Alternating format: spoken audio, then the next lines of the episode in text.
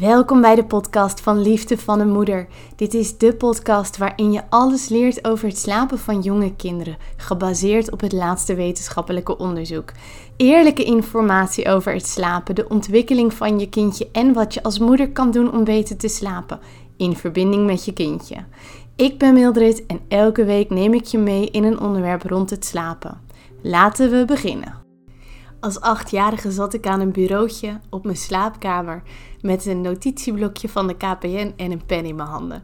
En daar speelde ik hele dagen lang met een oude telefoon, alsof ik op de klantenservice zat van de KPN. Ik had maar één doel: iedereen die belde, tussen aanhalingstekens, zo goed mogelijk helpen. Later leerde ik dat dat ook op andere manieren kon door bijvoorbeeld psychologie te gaan studeren. Maar toen ik daar heel graag mee aan de slag wilde, bleek al snel dat de beta-kant van de vakken me totaal niet lag. Uiteindelijk besloot ik om iets soortgelijks te gaan doen: journalistiek. Met maar één doel: mensen gaan helpen hun verhaal te vertellen door naar ze te luisteren en het samen te vatten en op te schrijven. Het liep anders. Toen ik mijn kinderen kreeg, bleek dat het slapen nogal een uitdaging was. En al snel zat ik met mijn journalistieke ervaring diep in alle onderzoeken die er te vinden waren over het slapen van kinderen. Ik had namelijk alle boeken gelezen die er waren, maar geen van de boeken leek aan te sluiten op hoe mijn kinderen sliepen en hoe ik het best kon helpen om beter te gaan slapen. Bij mijn eerste kwamen we met een maand of drie op het consultatiebureau en we bekenden dat ze nog niet doorsliep. Dat baarde ons wel zorgen, want ik moest alweer bijna aan het werk en het was wel fijn als zij goed sliep, want dan kon ik ook voldoende slapen. Bij het consultatiebureau waren ze duidelijk. We hadden onze dochter niet leren slapen. En al snel stonden we weer buiten met een boekje van Ria Blom, inbakerdoeken en de instructies hoe we en hoe lang we haar moesten laten huilen. De eerste paar avonden waren verschrikkelijk. We deden alles zoals in het boekje stond. We deden alles zoals op het consultatiebureau was gezegd. En onze dochter krijste het uit. Toen het uiteindelijk rustig werd in de slaapkamer, keken we elkaar aan en zeiden we: Dit doen we nooit meer. In de jaren die volgden las ik me in op dat wat natuurlijk ouderschap heet.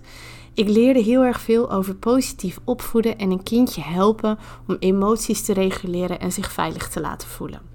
Bij onze tweede was ik er helemaal uit. Dit keer ging ik het fantastisch doen. Ik kocht een draagdoek. Ik zorgde ervoor dat ik een lactatiekundige aan mijn kraambed had staan.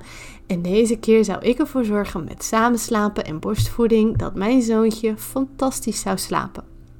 Hoe anders was de realiteit? Ondanks dat ik alles goed deed, tussen aanhalingstekens, sliep hij amper. Hij gilde het uit zodra hij zijn bedje zag. En het aller, allerliefste sliep hij bovenop mijn buik. Hij woonde dan ook hele maanden in de draagzak, maar wel zonder dat ik ervan kon genieten. Ik was alleen maar bezig met alles wat ik niet goed deed.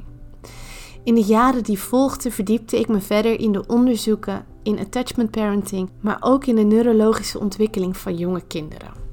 Niks van wat ik las sloot aan op alles wat ik kon lezen op internet en in de babyboeken. En daarom begon ik met de site Liefde van een Moeder. Alle gorddroge onderzoeken die ik las, probeerde ik te vertalen naar zo begrijpelijk en toegankelijk mogelijke taal. Voor mezelf, voor wanneer we meer kinderen kregen, maar ook voor misschien een andere verdwaalde moeder op het internet. Het bleek een instant succes en in no time wisten duizenden moeders per maand hun weg te vinden naar de site, op zoek naar bemoediging en eerlijke informatie over het slapen. Tegen de tijd dat we ons derde kindje kregen, wist ik één ding heel zeker hoeveel liefde mijn kindje ook kreeg, het zou waarschijnlijk niks veranderen aan het feit dat hij sliep als een baby. En dat bleek maar al te waar.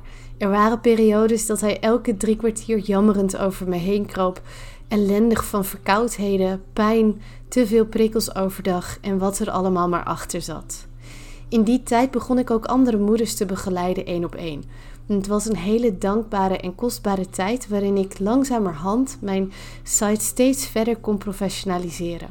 Ik volgde steeds meer trainingen op het gebied van voeding, maar ook op het gebied van bijvoorbeeld trauma. Zo kon ik steeds beter begrijpen wat er aan de binnenkant van een babyhoofdje gebeurde, maar leerde ik ook hoe wij als moeders gemaakt zijn. Zo wist ik steeds meer moeders te helpen en te bemoedigen en groeide het bedrijf uit tot het bedrijf dat het nu is geworden. Juist het feit dat ik weet hoe ontzettend vermoeiend het is als je kindje niet goed slaapt, zorgt ervoor dat ik niet met de geëikte adviezen kom als je moet je kindje gewoon maar even laten huilen. Ik weet hoe wanhopig je je kan voelen als je kindje elke drie kwartier wakker wordt. Want het is niet jouw fout, maar het is wel jouw keuze of je er wel of niet op reageert. Ik weet dat je je ontzettend alleen kan voelen en dat je soms ook het gevoel kan hebben dat je iets helemaal verkeerd hebt gedaan als je kindje elke drie kwartier over je heen kruipt. En als je niet elke drie kwartier op de klok ziet, dan is alsnog elke anderhalf of twee uur in de nacht veel te vaak. Het doel van deze podcast gaat dan ook zijn om jou te bemoedigen en te helpen het slapen van je kindje beter te begrijpen, beter te kunnen volgen, maar ook zelf voldoende aan je rust te komen. De online cursussen die ik geef zijn allemaal ook te luisteren. En heel vaak krijg ik reacties van moeders waarin ze zeggen: Ik heb de cursus geluisterd als ik s'nachts een nachtvoeding moest geven. Of ik luisterde de cursus eventjes als ik er echt doorheen zat. Het hielp me zo om dicht bij mezelf en bij mijn kindje te blijven. En dat is precies het doel van deze podcast. Dus ik hoop dat je van de volgende afleveringen gaat genieten. En mocht jij een vraag hebben die je heel graag in de podcast beantwoord zou willen zien, of een onderwerp hebben waar je graag meer over wil weten, laat het me gerust weten en dan ga ik er een podcast over opnemen.